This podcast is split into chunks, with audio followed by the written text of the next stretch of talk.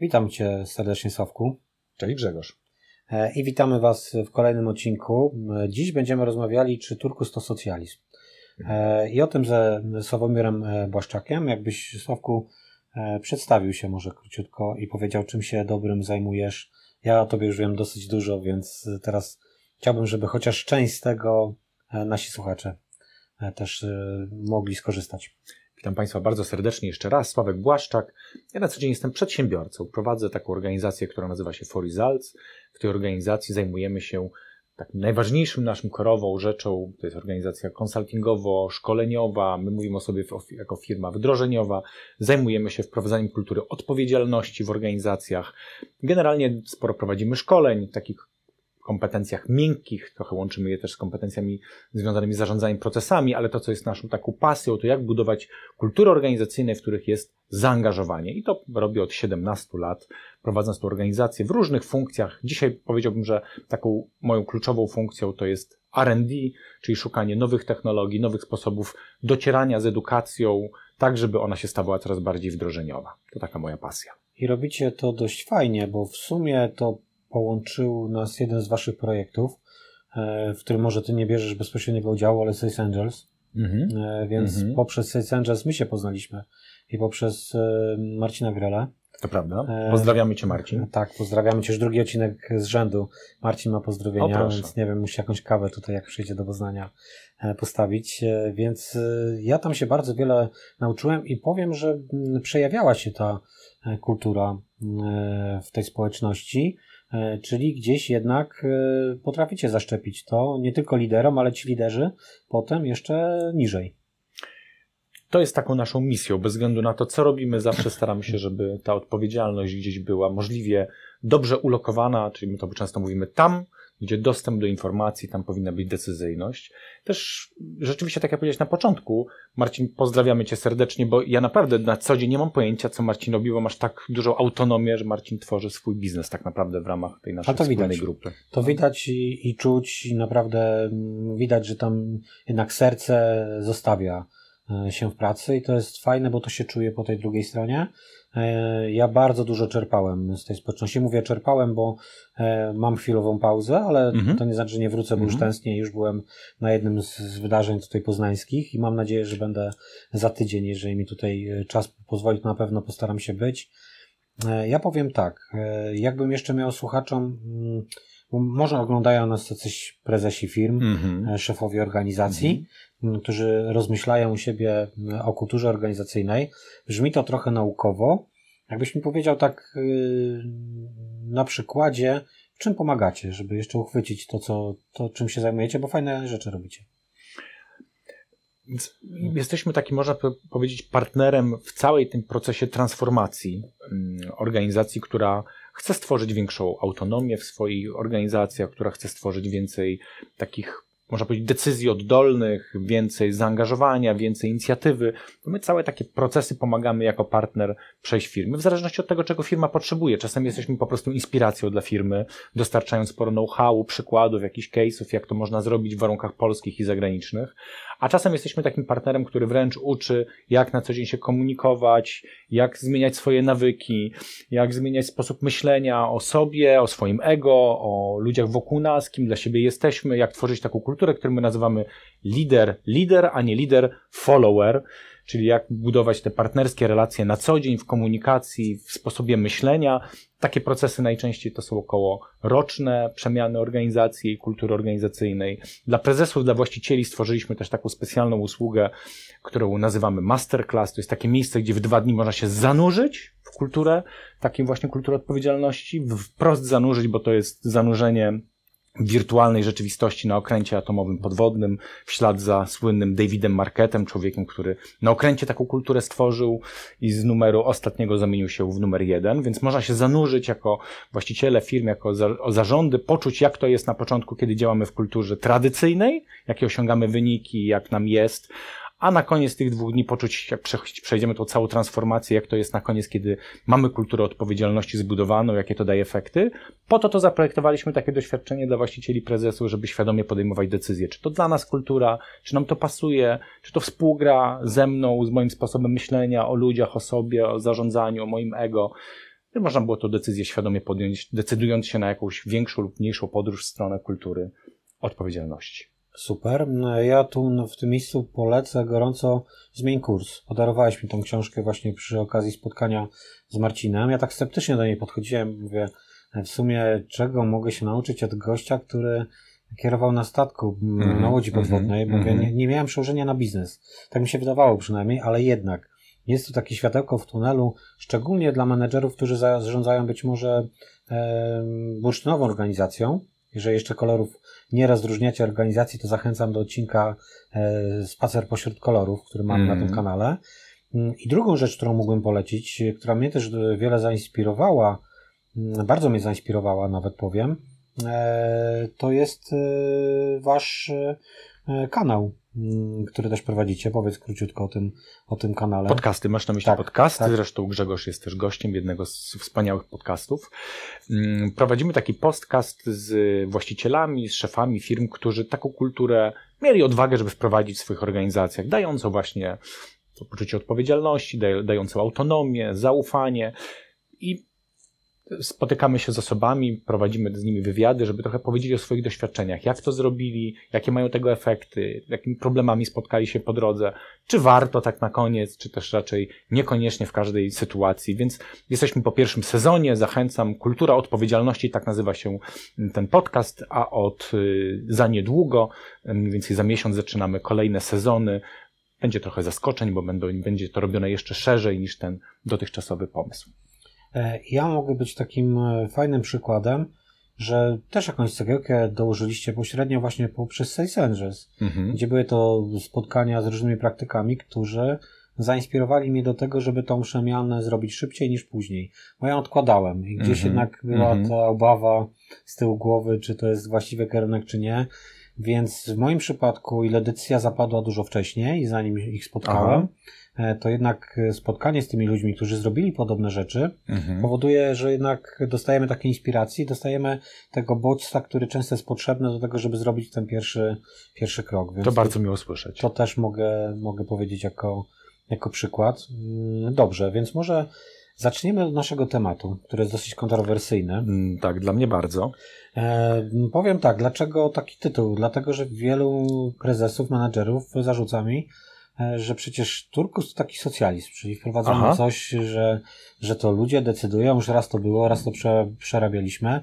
No, ja mówię, wtedy to partia decydowała, ale e, powiedzmy sobie o tych różnicach e, pomiędzy, tak jak ty to widzisz, w ogóle zanim zaczniemy o tych różnicach, to najpierw powiedz, czym dla ciebie jest turkus. Mhm. Bo ty często stosujesz zamienne to nazewnictwo. To, to, to, prawda. to może właśnie, czy, jaka jest różnica E, pomiędzy biorę odpowiedzialność a, a turkusem e, i właśnie czym jest dla ciebie turkus. To ja będę się trochę posługiwał tymi kolorami. E, skoro jest ścieżka i spacer po kolorach, to znaczy, że można do tego wrócić. Więc wybaczcie, mhm. że czasem będę jakoś tak skrótowo i, i nawiążę trochę do Lalu, bo to jest dla nas pewnie taka trochę Biblia turkusu. Tak, początek. Tak można powiedzieć. Chociaż dla mnie, przepraszam, początkiem jest profesor Blikle. Aha. E, I on tego tak nie, tak, ja on tego tak nie nazywał, ale tak naprawdę o tym samym pisał. Natomiast Lalu ubrał to w taki marketingowy, fajny przekaz tak. i dał wiele takich przykładów z firm, jako inspirację, gdzie on jednak badał te firmy niezależnie i nagle się okazuje, że one mają pewną e, wspólną cechę. Mm -hmm. No i on to pisał mm -hmm. jako, jako Turkus.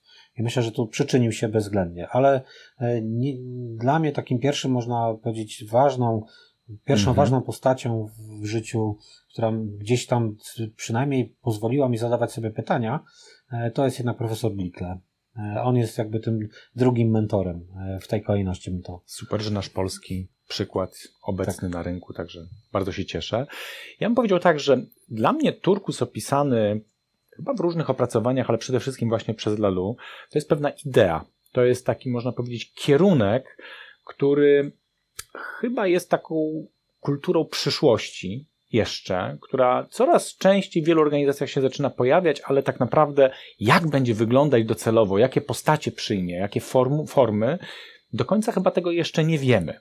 Mhm. Jest najbardziej taką zaawansowaną formą kultury organizacyjnej, która daje ludziom możliwość właśnie decydowania, autonomii, samorealizacji, e, życia w takiej zgodzie ze sobą, bez masek, w sposób taki bardzo naturalny. I dlatego mówię, że to jeszcze nie znamy do końca tej formuły, no bo opisanych 10 e, przykładów przez Lalu, następne kilkanaście czy kilkadziesiąt opisanych w różnych książkach, przez nas opisaną formułę również mamy w Polsce, grupa Tefal, grupa SEB, firma, która w Polsce wprowadziła taką kulturę, również na podobnych wartościach opartą, ale tak na koniec dnia będą to bardzo różne formy, które czasem nazwiemy, że coś tu mają z holakracji, coś tu z merytokracji, że są jakieś elementy, które jednak wspólny mają kierunek tej wolności, swobody, autonomii, odpowiedzialności gdzieś od dołu mhm. za wyniki, za klienta, za środowisko pracy, które budujemy. Im więcej tego nasycenia, tej wolności, tym bardziej w, w rozumieniu Lalu jesteśmy w tym turkusie. Ale po drodze są różne kolory. I tak jakbym powiedział, y, dlaczego my nie nazywamy tego, co robimy turkusem, bo nie dla każdej firmy taka kultura jest dobra, docelowa, nie każda jest na nią gotowa. Większość firm mm, to są kolory pomarańczowe, czyli kolory takie, w których jednak decyduje jakaś hierarchia, struktura, władza, mm, które stworzyły piękne idee, jak chociażby odpowiedzialność jest ideą stworzoną przez pomarańcz, jak innowacyjność, te pomysły, inicjatywy, to jest pomarańczowe czy merytokracja też jest stworzona przez pomarańcz. I te kultury mają po drodze, zanim gdzieś wylądują w jakichś obszarach, być może turkusowych w przyszłości, mają zieleń. I ta zieleń zakłada stru strukturę, zakłada hierarchię, zakłada, że dajemy tą wolność ludziom coraz większą, dajemy autonomię, ale dla mnie jest ona jakąś taką ścieżką do czegoś jeszcze później dalej. My nazwaliśmy tą naszą kulturę kulturą odpowiedzialności, biorę odpowiedzialność, bo mam poczucie, że najczęściej mamy do czynienia z firmami pomarańczowymi, dla których następnym przystankiem, i to na parę dobrych lat, jest zieleń. A turkus jest dla nich jeszcze odstraszający. Kojarzy im się być może z tym socjalizmem, tak jak te czasami przytyki prezesów, którym, którzy mają swoje być może jakieś doświadczenia z socjalizmem i kojarzą te dwa elementy. No bo jakby też e, padają takie argumenty, że jeżeli w jakiś sposób e, zespół podejmuje decyzję, to tracą ci najlepsi. Często oni są z zespołu E, eliminowani. Hmm. Czy też masz taką praktykę i czy jesteś w stanie się do tego odnieść? Że jak zespół decyduje, to tracą najlepsi? Tak, no bo jeżeli gdzieś tam podejmujemy decyzję oddolnie, nie, nie szef e, je, tak. je podejmuje, on się kieruje, on ma się kierować dobrem całości, natomiast w momencie, kiedy zespół podejmuje decyzję, no to tych wybitnych umysłów jest niewiele, e, to tak, że oni nie, przez to, że czują, że samodzielnie w pojedynkę mogliby osiągnąć więcej, zniechęcają się do tej kultury, bo to jest jednak kultura bardzo mocno pracy zespołowej. Nie, posta- nie stawiamy tam indywidualności Aha. na pierwszym miejscu, tylko raczej pracę zespołową. I pytanie, czy nie obserwujesz, że te gwiazdy, czyli te osoby, które mają ponadprzeciętne, wybitne osiągnięcia, one się nie czują w tej, w tej kulturze. Czy nie masz takich przemyśleń? Jest kilka rzeczy, które się zgodzę i kilka pewnie, których nie zgodzę. Na przykład, że nie jest to kultura dla gwiazd, czyli tak zdefiniuję trochę po swojemu gwiazdy w rozumieniu przerostu ego. Mhm. To prawda. To nie jest kultura dla osób z przerostem ego. Natomiast jeśli chodzi o e, i w tym sensie jakby wybitną jednostką, to ja zastanawiam się nad tą wybitnością, prawda, jeśli to jest przerost ego e, i narcyzm jakiś, który za tym często gdzieś stoi. Mhm.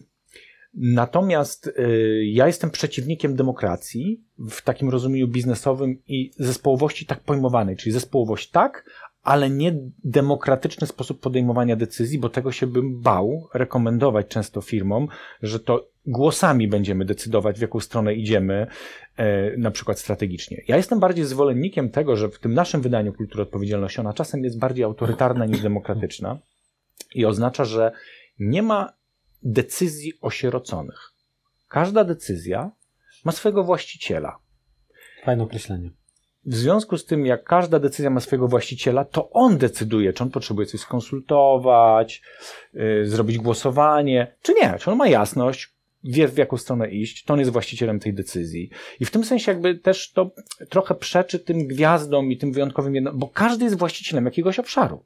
Każdy ma swoje jakieś decyzje. Mhm. W tym sensie jest ta równość socjalistyczna, że każdy jakieś decyzje podejmuje, ale to w takiej samej idei, że jesteśmy równi, bo każdy też ma jakąś władzę. No właśnie, bo jesteśmy równi, bo nie ma hierarchii, ale to nie znaczy, że yy w jakiś sposób e, mm, nawet niedemokratycznie podejmuje decyzje, nie robi tego partia, czy jest to ustrój zupełnie, czy kultura zupełnie odmienna od, jakbyśmy mieli porównywać to do, do tak. polityki, to ani nie przypomina ona socjalizmu, ani demokracji. To jest fajnie tu chwyciłeś. Powiedziałeś jakby, że, że każda decyzja nie jest jakby osierocona, tak? Tak. tak. I to jest coś w tym, że my dolecieliśmy do tego tuż po przemianach już takich tych finalnych, mm-hmm. gdzieś tam mhm. na, mm-hmm. na mhm. początku 2020, gdzie zrozumieliśmy, że, że tworzymy tak naprawdę technokrację, gdzie Dokładnie. to poszczególne osoby, my to tak nazwaliśmy wewnętrznie, mm-hmm. bo lepszego określenia mm, wtedy nie znaliśmy, natomiast przez technokrację rozumieliśmy to, że eksperci w danych obszarach, ci, którzy się bardzo, najbardziej znają na danym obszarze, decydują. Nie będziemy decydować o tym, jaką infrastrukturę serwerową wdrożyć, nie będziemy głosować nad tym, tylko jest osoba, która bierze za to odpowiedzialność i ona e, powie tylko, dobra, rekomenduję taką, to tyle kasy kosztuje. My możemy tylko się zastanowić, czy nas stać tak. na to, czy nie, ale jeżeli nas stać, no to my tam mu nie podpowiadamy. Słuchaj, a może to nie, a może, albo na przykład zespół IT, nie mu, nikt nie, nie mówi im, czym mają programować. Tak sobie postanowili, wzięli sobie jakieś frameworki, wybrali, wzięli sobie technologię, mhm. e, zrobili jakąś gdzieś tam infrastrukturę do tego, e, zaplanowali i oni to robią i nikt nie mówi o tym, że będziemy głosować na tym, w jakim frameworku będziemy e, programować. To jest tak we wszystkich obszarach, czyli w sprzedaży, jak podejmujemy jakieś decyzje, to też nikt nie będzie głosował prawda? E, czy zespołów, które się nie znają na tym, w jakim kierunku idziemy. Więc jedyne wspólne jest to, że wszyscy są równi e, i to jest chyba jedyna wspólny mianownik w zasadzie, dla którego e, Turkus jest mylony z socjalizmem, bo wtedy są wszyscy równi, tylko wtedy sztucznie są równi. Tutaj natomiast nie ma hierarchii, ale każdy jest merytorycznie odpowiedzialny i jakby przejmuje decyzyjność, bierze odpowiedzialność za pewien obszar działania, który według niego jest optymalny i zgodził się na taki obszar działania z zespołem. On często też ewoluuje. Prawda? Ja bym też powiedział, że dla mnie osobiście nie ma tak, że te, tego typu kultura wyklucza hierarchię. Bo czasami jest tak, że ktoś chce wziąć większą odpowiedzialność za coś, że ktoś jest gotowy, ma pewne ambicje i w sposób naturalny on będzie miał jakąś szczególną rolę też mhm. w tej strukturze, będzie miał jakiś inny wpływ trochę, tak? To jest jakby jeden powód, że niektórzy, no, jakby w pewnym sensie sami chcą też tę rolę pełnić, mają ku temu predyspozycję i tak I robią to. I robią to. Czasami ta hierarchia też jest potrzebna z innych powodów. E, wspomnieliśmy na początku o kapitanie Davidzie Markecie. No paradoksalnie my się w zarządzaniu strasznie dużo uczymy od wojska, chociaż tego jesteśmy nieświadomi, bo oni to prawda. w biznesie się musi wszystko spinać. Hmm? Dopiero jak się spina, to dopiero to się wprowadza. Więc może dla stąd jest taki problem czasem z turkusem, bo się nie wierzy, że to się będzie spinać, a my wiemy, że się często dużo lepiej spina niż e, innego rodzaju kultury. Potwierdzam. A, ale jakby wojsko, o którym przed chwilą wspomniałem, często testuje różnego rodzaju metody, które budżetowo jeszcze na początku niekoniecznie muszą się sprawdzać, oni testują i nagle się okazuje, że to jest świetne, dopiero wtedy przechodzi do biznesu. I na przykład w wojsku jest taka współczesnym, nowoczesnym wojsku, mimo że zostawili sobie hierarchię, to mają przyjęty na przykład paradygmat taki, że osoby, które są w terenie w akcji, czyli są najniżej w strukturze organizacyjnej, mają bezpośredni telefon pomijający 4-5 szczebli mhm. do swojego generała polowego albo do kogoś, kto właśnie jest w tej strukturze po to wyżej, żeby móc zebrać brzegowe informacje, do których nie ma dostępu on centralnie, ale po to tworzy nieformalną sieć, żeby ci ludzie mogli z terenu szybko do niego zadzwonić, żeby on podjąć decyzję, która dotknie szerzej niż tylko ci ludzie, którzy mu to zgłosili. Okej. Okay. Czyli po to jest im ta hierarchia też potrzebna do tego, żeby czasami można było zebrać szerzej informacje z terenu i podjąć decyzję na poziomie troszeczkę wyższym kogoś, kto to zbiera. Mhm. I tworzy się system, jak pomijać tą hierarchię, prawda? Czyli w pewnym sensie trochę złamać, no w wojsku pomijasz hierarchię, no to od razu jesteś wrogiem, nie? Tamtego swojego bezpośredniego. A nowoczesne wojsko wręcz wprowadza to jako procedurę, że tak trzeba działać. I tak samo biznesy się tego uczą. I te brzegowe systemy informowania są w tej chwili jednym z rzeczy, które wprowadza się w biznesach. Jak pomijać strukturę? Znowu element trochę kultury odpowiedzialności. Człowiek, który ma inicjatywę, odpowiedzialność, działa szybko na rzecz organizacji po to, żeby dobra decyzja została podjęta, bo widzi, że coś robi konkurencja w terenie, mm. bo widzi jakieś akcje. Może zadziałać szybko. To dwie rzeczy bym jeszcze uchwycił z całej twojego, całego wątka wypowiedzi. dosyć istotne z perspektywy moich przemian i myślę, że to będzie wartościowa, wartościowa rzecz dla naszych słuchaczy czy widzów, w zależności od kanału, w jakim to będą mhm. słuchać czy oglądać. E, to pierwsze, e, to ego, o którym powiedzieliśmy, tak. czyli faktycznie potwierdzam, że nie jest to miejsce dla kogoś, kto ma przerośniętego. Jeżeli tak definiujemy e, gwiazdy, bo, mm -hmm. często te gwiazdy, mm -hmm. to tak jak ten piłkarz w drużynie, gdzie no, jestem najważniejszą osobą, ale nie zawsze najważniejszą na boisku, tak? Nie, nie bierze wtedy odpowiedzialności, wtedy mówimy, że, jest, że ma przerośniętego i nie ma miejsca na, na, na, na osoby, które mają przerośniętego i one faktycznie raczej będą zmierzały w, innej, e, w inną kulturę i to nieświadomie lub świadomie. I z perspektywy odejść naszych, jak przeanalizuję, to część było odejść ze względu na ego. E, czyli były to bardzo warto, merytorycznie dobre mm -hmm. osoby, ale jednak tego mm -hmm. gdzieś spowodowało, że, że nie były w stanie e, no, pracować zespołowo i pogodzić się z tym. Jedną rzecz ci wejdę w słowo, bo jeszcze jest druga rzecz, o której chcesz chyba powiedzieć, mm -hmm. ale to jeszcze do tego jego. Mnie kiedyś um, Krzysiek Ignaczak, jeśli słyszysz, to, to cię też serdecznie pozdrawiam. Znany polski siatkarz, to ten właśnie Krzysztof Ignaczak, zresztą posiadacz złotego medalu E, światowego, prawda, bo oni wygrali Mistrzostwo Świata mhm. w siatkówce. Kiedyś mnie Krzysiek nauczył e, takiej rzeczy, że dobrych właśnie zawodników, którzy biorą odpowiedzialność, taką współodpowiedzialność w zespole, można poznać też po tym, że jak e, jest on gwiazdą i na przykład zespół przegrywa, ale on ma dobre swoje akcje, to często się cieszy. Mimo, że zespół przegrywa, to jego indywidualne punkty są na topie, tak? Że on ma bardzo dobre, bardzo dobre akcje. I w drugą stronę, zespół wygrywa, ale on indywidualnie ma słabe wyniki, to się smuci. I że jak, się, jak oni szli w tej drodze do swojego mistrzostwa świata, to uczyli się, jak to rozpoznawać. Takie osoby, nie było miejsca dla takich osób w zespole, bo one nie tworzyły kultury takiej odpowiedzialności za ostateczny wynik. A śmieciarki przeszły bo naprawdę bardzo dojrzałe, jak e, pokazuje, jak zespół potrafi nieświadomie dobierać osoby. E, mam wrażenie, że teraz niestety w Legii gdzieś tam jest na nawarstwienie, hmm. poruszając wątek piłkarski, że jest za, za dużo osób z przerośniętym ego, bo uważam, hmm. że potencjał poszczególnych osób jest bardzo wysoki. Byli, mimo że jesteśmy z Poznania i, e, i oczywiście moje serce jest przy Lechu, e, to jednak, to jednak e, gdzieś kibicuję polskiej piłce.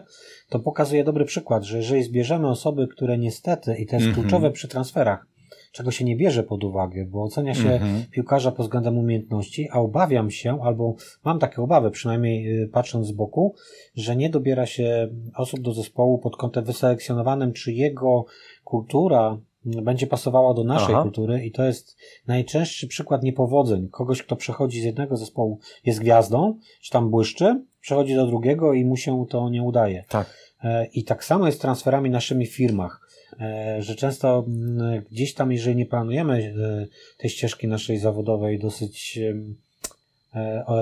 odważnie, ale też w jakiś sposób taki zaplanowany, to trafiamy jako przypadek z jednej organizacji do drugiej, mhm. jedziemy, nie wiem, tam gdzie nam więcej płacą, a potem jesteśmy nieszczęśliwi, bo się okazuje, że jednak coś tu nie tak i nie jestem szczęśliwy. Niby, że zarabiam niezłe pieniądze, a wstaję rano i nie mam motywacji do, do pracy i coś tym, coś tym jest. I, I cierki mnie przeszły, że właśnie tak dojrzale, w tak dojrzały sposób, jednak jeżeli byli tym, tym złotym medalistą, to jednak nie, nie ma tu przypadku. Tak. I to pokazuje, tak. że to jest jednak dużo pracy wykonanej, e, duża rola też trenera, który w jakiś sposób ich... I bardzo trudna, no bo wyobraź sobie, że masz tą gwiazdę, na którą cała opinia publiczna liczy, że to on będzie tym MVP w najbliższych właśnie mistrzostwach, a trener mówi, nie włączam go do drużyny.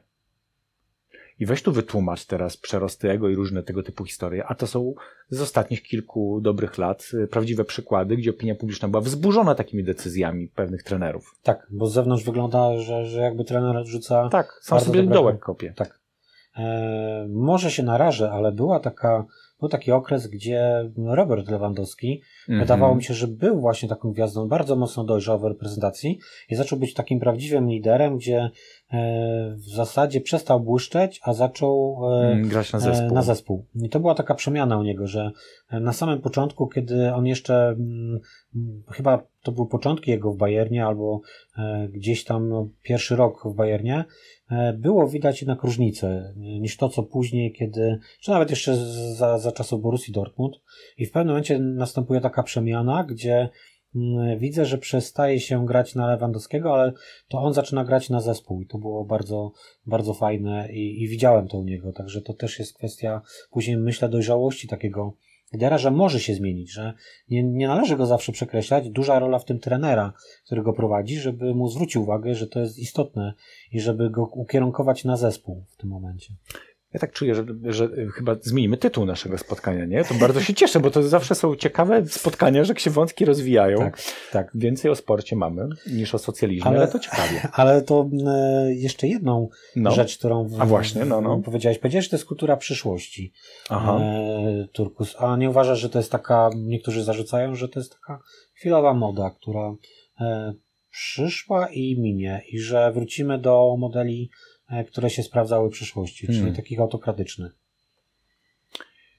Ja mocno wierzę w taką powiedzmy rosnącą świadomość nas jako homo sapiens i że państwowość, podejście w ogóle też do biznesu, które za tym podąża, przechodzi pewną ewolucję jednak coraz, coraz bardziej świadomie, coraz bardziej samorealizując się przechodzimy różnego rodzaju formuły. Mimo, że mamy parę kroków do tyłu, chociażby w demokracji na świecie, e, to jednak ja wierzę, że to są e, kroki, które są potrzebne jak, jak korekta na giełdzie. E, I tak samo myślę sobie, że to, jak się rozwiną te biznesy, jest pochodną w pierwszym, na pierwszym etapie samoświadomości liderów. Bo to oni albo zablokują, albo zezwolą na pewne rzeczy, albo uruchomią jeszcze, na co liczę, świadomie. I ta samoświadomość e, liderów moim zdaniem rośnie. Ilość nie wiem, tematów typu mindfulness, e, zajęcia się sobą, jakimś well-beingiem, e, odpowiadaniem na pytania kluczowe po co coś robię, słynne why Simona Sinka, to wchodzenie w siebie, do czego ja zmierzam, do czego dążę, mhm. do czemu ma to służyć, jaki jest mój sens bytu w tej organizacji czy na tym świecie, to są tematy, które stają się coraz bardziej powszechne. 10 lat temu to nawet ta moja wypowiedź byłaby dziwna, dzisiaj nie jest, mam nadzieję. To prawda. E, I to trochę pokazuje, że za tym będą też ewoluować kultury organizacyjne. Ja mam takie przekonanie. Więc im bardziej ci liderzy na to z jednej strony uruchomią takie podejście, stworzą taką przestrzeń, a z drugiej strony są siły oddolne. Ludzi, którzy, pokolenia, które się zmieniają, które nie mają już takich powiedzmy zahamowań wynikających z socjalizmu, zwanego komunizmem w naszym przypadku, gdzie ludzie się obawiali, mieli lęki, mówić, nie mówić, mhm. wychylać się, ciesz się tym, co masz, pokorne ciele, dwie matki z różne takie, co ja słyszałem jako dziecko często, to te pokolenia już tego nie słyszą najczęściej, tego typu opowieści. Więc te nowe pokolenia, które wchodzą, tworzą z drugiej strony mm, oczekiwania i wręcz wymuszenie, żeby te kultury ewoluowały, bo oni inaczej nie chcą w nich pracować. A jak skoro nie chcą tam pracować, no to ta automatyzacja wszystkiego nie załatwi, robotyzacja. Ludzie będą potrzebni do różnych zawodów w przyszłości, więc potrzebujemy tworzyć organizacje, które ich zaangażują w stworzenie przestrzeń. Więc z dwóch stron to działa, stąd liczę, że za 10 lat, jak nagramy kolejny Grzegorz odcinek u Ciebie w studio, to będziemy mieć już y, trochę wspomnienia, jak to było i jak to przez te 10 lat teraz większość firm już te 51% działa bardziej w tej kulturze, o której rozmawiamy, chociażby zieleni, a nie pomarańcze.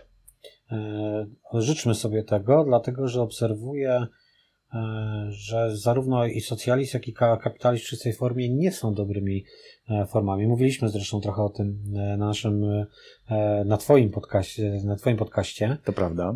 I nawiązywaliśmy do tego, i też organizacja pomarańczowa ani bursztynowa, w bursztynowej, gdzie jakby jest ten jeden wódz, czy jest tam hierarchia bardzo mocna i potem wszyscy równi e, w, i jakby wszyscy jednak są uzależnieni od e, tych, którzy rządzą na górze, mhm. jak i pomarańcz, gdzie jest bardzo mocne nastawienie na wyniki. Łatwiej jest awansować oczywiście, łatwiej jest się wybić lepszym, natomiast konsekwencje później tego i skutki uboczne, bym to tak nazwał, są bardzo e, trudne do zaakceptowania i w jednym i w drugim e, według mnie ludzie nie są szczęśliwi, dlatego powinniśmy poszukiwać tego szczęścia. Pytanie, czy to nie utopia, czy e, Mam takie obserwacje, że nie każdy dojrzewa do tej kultury mm, turkusowej. Mm, sporo u nas. Nawet nie szefowie, ale w ogóle wszyscy, tak. wszyscy ludzie, jak to też pracownicy. E, nie wiem, czy my to źle zrobiliśmy, czy, czy faktycznie u nas ta, ta fala odejść była okay. dość, dość mocna. Zastanawiam się, mm, co musi się zmienić też w ludziach, żeby oni zrozumieli, że brak hierarchii, brak kontroli to nie jest to, żeby czy się stoi, czy leży, no to wypłata się należy i żeby oni faktycznie chcieli brać odpowiedzialność, żeby mieli świadomość tego, że jeżeli nie biorą tej odpowiedzialności, no to tak naprawdę równają, ale w dół e, całą organizację, w której są, zespół, mm-hmm. bo on jest mm-hmm. coraz słabszy i upada. I to jest pytanie, jak e, do nich dotrzeć, jak zrobić, żeby oni dawali tyle co inni, bo jest też coś takiego w turkusowej organizacji, co też u mnie obserwuję, że nieraz sobie przychodzą i i to jest, y, chciałbym, żebyśmy właśnie się pochylili nad tym, bo mm -hmm. to według mnie ważny wątek.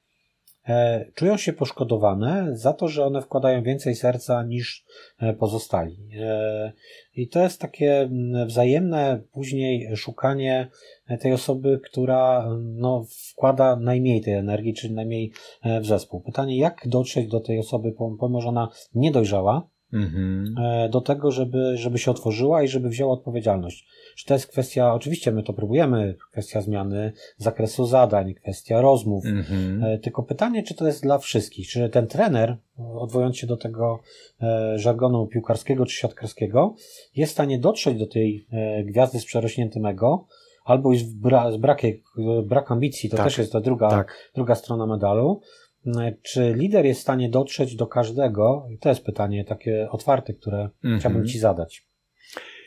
Y, nie znam odpowiedzi do końca na to pytanie, bo też widzę te dwa zjawiska, czyli zarówno ego i narcyzm, jak i brak ambicji, brak chęci rozwoju. Brak... To są te zjawiska. Zacznę może od tego drugiego nawet. Mhm. Mm.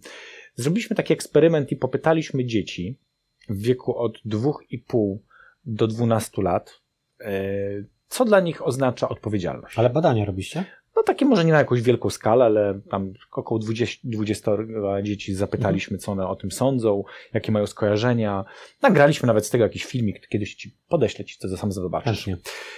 I w tym filmiku mm, i w tych wywiadach wychodziło, że te dzieci mówiły tak. Odpowiedzialność, najmłodsze mówiło, trzeba myć ucho i nosek. Yy, jak były trochę starsze, to mówiły o tym, jak to z tym psem jest ciężko. A propos, pozdrawiamy tutaj naszego pieska, właściwie twojego. Yy, jak to jest ciężko, bo trzeba te kupy sprzątać, trzeba wychodzić. To jest odpowiedzialność. Kwiatki podlewać. Ktoś mówi, jak dostaniesz coś ważnego, to nie możesz tego zniszczyć. Yy, szklane naczynie może ci spaść i się zbić. To jest odpowiedzialność. Takie szereg różnych rzeczy, którymi, co tam stało za nim? Rodzic. Który straszył. Który mówił, że to trudne i tak dalej, tak, jakiś ciężar się w mhm. ogóle pojawiał, nie? Czyli innymi słowy, my trochę sami tak wychowujemy. Właśnie. Sami się trochę tak wychowywaliśmy, nie? I szkoła nas do tego później. Że ta odpowiedzialność to nic atrakcyjnego. Zauważmy szkole, przecież w szkole ty, którzy się wybijają, albo ty, którzy tak. są za słabi, się równa do, do, do średnio. No to jest cały pruski model nauczania, który, E, który jest nam... No, można powiedzieć, że pruski. On, ja bym powiedział, że nawet ma swoje korzenie nawet gdzieś w Imperium Brytyjskim, kompaniach indyjskich, jak tam, wiesz, mieli tylko statki, żadnych telefonów, żadnych komputerów, a trzeba było pół świata ogarnąć, nie? No to metoda trzeba urzędników wykształcić takich samych. Standaryzacja. Wszyscy mówią tym samym językiem, tak samo myślą w miarę podobnie, będą reagować, podobne decyzje będą podejmować. Szkoła, tak powstała edukacja. Więc dużo jest w nas, jak my się komunikujemy, jak my ten pokazujemy odpowiedzialność jako coś negatywnego, jako ciężar, to trudno się dziwić, żebyśmy potem takie konotacje mieli i że jak idziemy do pracy, to potem myślimy sobie, no nie, no, to, ostatni nie dam się wrobić w takie tutaj rzeczy, mhm. nie? To tak od dołu. A jak od góry mnie ktoś tutaj też, musiałem się wybić, o swoje zawalczyć, czyli to nadmierne ego, narcyzm i mam wiele różnych tutaj z tego korzyści, to poziom jeszcze jest trudniejsze do poradzenia sobie, bo, mm, no bo jak, jak to, jak rozmawiam z terapeutami, to mówią mi, wszystko można leczyć, tylko nie narcyzm. Nieuleczalne. Coś w tym jest, faktycznie, że ciężko zmienić te postawy skrajne. Ciężko te e, skrajne. Ale zmienić. wracamy do źródła, do, do konkluzji, która, e, która też e, gdzieś tam powstała przy moim odcinku z profesorem Blikle, że bardzo dużo zależy od edukacji. Tak. I bardzo dlatego uważam, że obecnie nie jesteśmy gotowi. Rozmawialiśmy o tym zresztą przed odcinkiem o kulturze rosyjskiej chociażby. Tak. Gdzie w ich kulturze, w tym takim, gdzie jednak jest wódz, gdzie on podejmuje decyzje, nawet trudno przyjąć taką kulturę. To jest kultura słabości. To jest kultura, w której nie ma szacunków. To jest kultura, w której jest lęk wtedy. No bo jeżeli rządzi nami ktoś, kto jest słaby, kto nie ma władzy, kto nie może zapanować nad różnymi rzeczami, to ja od dołu mam lęk, że to się wszystko źle skończy. On mnie nie obroni. Nie? Więc to jest kultura odpowiedzialności, czy te, o których rozmawiamy. To są kultury, w których tego lęku jest coraz mniej. Stąd ten świat z tego samoświadomości, ten well-being, to, to, to, jest, to jest praca z lękiem, z obawami, żeby nie przeżywać tego na co dzień. Skąd się w liderach bierze na taki silny styl forsujący i wymuszanie różnych rzeczy? Najczęściej z lęków. Z lęków. Że ja się boję, że czegoś nie osiągniemy, ja się boję, że ty tam nie dowieziesz tego. Ja się boję, że coś się stanie niedobrego. Ja się, jest kultura braków. Boję się tych zagrożeń, boję się konkurencji, boję się, więc muszę wymuszać, muszę przyspieszać, muszę sprawiać, żeby wszystko się działo tu i teraz, zgodnie z tym, prawda? Tak. Ten duży tryb, który musi te małe trybiki musi wszystkie uruchomić. Lęki, nie? Więc jakby to jest kultura wolna od lęku, tak bym powiedział. I tak samo jest y, z tym narcyzmem i tak samo jest z tym brakiem ambicji, no, że to jest jakby lęk u jednych i u drugich przed tym, że coś będzie, co wykaże jeszcze mniejsze poczucie własnej mojej wartości. Więc powiedziałbym, trzeba edukować ludzi, trzeba inwestować w tą samą świadomość, e, bo, bo, bo to są metody przez wiele lat, które przyniosą tą przemianę. E, czyli podsumowując e, ten wątek, e, bardzo dużo zależy od tego, tak, po pierwsze, bym postawił taką tezę, że obecnie nie jesteśmy gotowi na to, żeby większość organizacji była turkusowa, dlatego że nasza mentalność jeszcze poszczególnych osób nie do końca odpowiada temu. Ale większość organizacji jest gotowa, żeby robić kroki w tą stronę. O, żeby robić małe kroki i przygotowywać też grunt pod zmiany, tak. które muszą następować też w osobach. Bo e, one się, te zmiany nie dzieją w tydzień, tak. nie dzieją się w miesiąc. Średnio zmiana takiej kultury w waszym przypadku, jak ile to jest lat? Od 2016 do małymi krokami. Cztery lata, piąty, piąty rok, piąty rok. Jak pracuję z różnymi klientami, najkrócej to jest 2-3 lata, kiedy mają taką mm, przemianę, że już mówią, mogą powiedzieć, tak, jesteśmy po drugiej stronie mocy.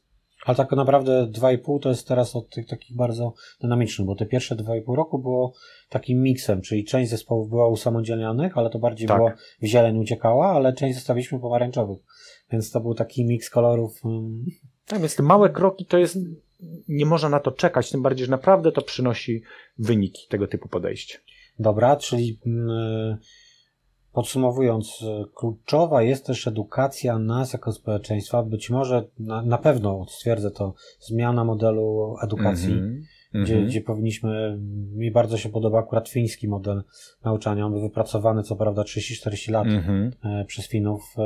E, nie jest jakimś takim nastawionym na kopiowanie jakichś modeli, tylko to jest wypracowany przez nich. Bardzo nastawiony na pracę zespołową, mhm. nastawiony na kontakt z drugim człowiekiem. E, według mnie właśnie e, to jest klucz do tego, żebyśmy zrozumieli, że to nie jest kwestia zmiana podstawówki na gimnazję albo odwrotnie. -hmm. To nie jest ta zmiana edukacji, tylko zmiana zupełnie podejścia do, do, do kształcenia. I myślę, że to jest naj, najważniejsza lekcja, jaką powinniśmy odrobić. E, plus edukacja u nas w firmach. Jeżeli nie dzieje się to na etapie dzieci w przedszkolu, w szkole, to my musimy większą pracę wykonać już w firmie jako liderzy, pracując z innymi, i odwrotnie ze sobą również y, pracując, żeby doprowadzić do tych, do tych przemian. Mogę na koniec jedną rzecz jeszcze tak z badań Pewnie. powiedzieć? Oczywiście. Jeszcze taki jeden argument jest, nie wiem, czy on was jakoś przekona troszkę, czy nie, ale są prowadzone w wielu miejscach na świecie badania, jak osoby, które żyją w takiej kulturze właśnie brania, odpowiedzialności, tej autonomii, wpływu, y, jak to wpływa na ich długość życia oraz na ich stan zdrowia. W wielu miejscach na świecie są prowadzone, czyli takie kultury versus inne tradycyjne. I okazuje się, że w tych kulturach żyjemy najdłużej i jesteśmy najzdrowsi. Były mierzone trzy y, choroby cywilizacyjne, czyli układu krążeniowego, mm, układu krążenia oddechowego y, i jeszcze chyba jeden, i, i rak oczywiście w wszystkich tych parametrach jest tego mniej. By, naukowcy weszli głębiej, dlaczego, i okazuje się, że najtrudniejsze miejsce dla nas do pracy jest takie, w których mamy wyzwania, ale nie mamy na to wpływu. Czyli ktoś odgórnie gdzieś o czymś decyduje mhm. i to jest frustracja. Bo przychodzi do nas klient, coś chcemy, byśmy chcieli zrobić dla niego dobrze, ale nie możemy, bo procedura nie pozwala, albo czekamy na decyzję od szefa, która przyjdzie wtedy, kiedy klienta już tu nie będzie, nie? Tak. I to są najbardziej chore, w sensie zdrowotnym, miejsca pracy, gdzie są duże wyzwania, a mało mamy wpływu. A niestety wyzwań w dzisiejszym świecie przybywa, niż maleje. Mało jest miejsc do pracy, gdzie mamy mało wyzwań, chociaż i one wyszły statystycznie gorzej niż te, gdzie mamy duże wyzwania i duży wpływ na to, co robimy. To są najzdrowsze, bo to, te wyzwania dają nam też więcej poczucia sensu i sprawczości. A jak mamy na to wpływ, jak możemy to zrobić, to daje to jeszcze większe spełnienie. I tam się realizujemy i działamy. Zachęcam do sprawdzenia wyników, jakie to są konkretne procenty, które za tym stoją. A masz wynik, link do tych badań? To bym chętnie dodał do opisu Znajdę i podeślę Ci. E, to jeżeli mi prześlesz, to ja skomentuję ten odcinek i prześlemy uczestnikom. E, bardzo fajne przemyślenia. Myślę, że one w drugą stronę też są. Ja mogę powiedzieć po sobie, że e, ja odżyłem, kiedy przestałem podejmować decyzje, mm. bo one mnie przytłaczały. Po pierwsze, nie byłem w stanie ich racjonalnie podejmować. Po drugie, to się na nich nie znałem. E, po trzecie, to byłem wciągnięty w grę, e, e, jakby, którą sam zagrałem, żeby podejmować je, mimo że one wywoływały stres i wywołały frustrację u osób, które, które były i musiały się z nią pogodzić albo musiały z nią funkcjonować. To, mhm. są, to są takie, to jest takie droga mm, bez wejścia, dopóki nie zmienimy swojego myślenia i nastawienia. I powiem, że to w, w drugą stronę działa, bo obecnie oceniam że mamy bardzo dużo zmian. Ja, ja nie nadążam za nimi i szczerze mówiąc to nawet bym nie chciał. A pytając osoby, nawet nakręcąc niektóre odcinki na kurs na Turkus, okazuje się, że oni odbierają, że tych zmian jest mniej. Hmm. E, bo jeżeli my inicjujemy te zmiany. Tak, to nie jest to zmiana już. I to jest taka konkluzja, że e, łatwiej się żyje dwóm stronom. E, I menedżerowi, E, i osobom, dlatego że w, w, długiej perspektywie widzimy, że te decyzje są lepsze. No bo kto może lepszą decyzję podjąć, jak nie ekspert, czyli ktoś, kto jest, czy z klientem, e, czy jest w jakimś procesie e, i on, to, Wracamy do tej technokracji też tak. w tym momencie. Czyli nie pytamy się, nie musimy przekonywać tych, którzy się nie znają, że słuchajcie, teraz jakąś debatę, zrobimy jakąś prezentację. E, I tak jak w demokracji będziemy głosować za lub przeciw. Są momenty, w których faktycznie u nas w organizacji są głosowania, mm-hmm. gdzie tak. faktycznie cały zespół podejmie decyzję, ale to są takie rzeczy e, wybiórcze, kluczowe z punktu widzenia organizacji, gdzie widzimy, że mogą się pewne osoby wypowiedzieć, bo one dotyczą wszystkich w organizacji. Natomiast jak dotyczą jakiegoś wąskiego obszaru eksperckiego, no to nie będziemy robili wspólnego głosowania. I myślę, że to jest fajna konkluzja. A te badania jeszcze mogą tylko i, tylko i wyłącznie dać taki bodziec dla osób, które do tej pory nie dowierzały. Mhm. I myślę, że to będzie fajna dla tych, którzy bardziej rozumowo podchodzą e, do tego i chcą być przekonani, że w ten sposób i znaczy jest to właściwa droga do tego, żeby faktycznie żyć dłużej i być szczęśliwszym. Jeżeli uważacie, że taki argument może Was przekonać, to ja chętnie zamieszczę ten, ten link pod e, właśnie wpisem e, dzisiejszym e, z odcinka. I teraz podsumowując, jakbyśmy mieli tak spuentować, bo zaczęliśmy od tego turkus czy socjalizm, to znaleźliśmy jedną płaszczyznę, prawda? Jedną płaszczyznę wspólną. Że wszyscy braćmi jesteśmy. Tak.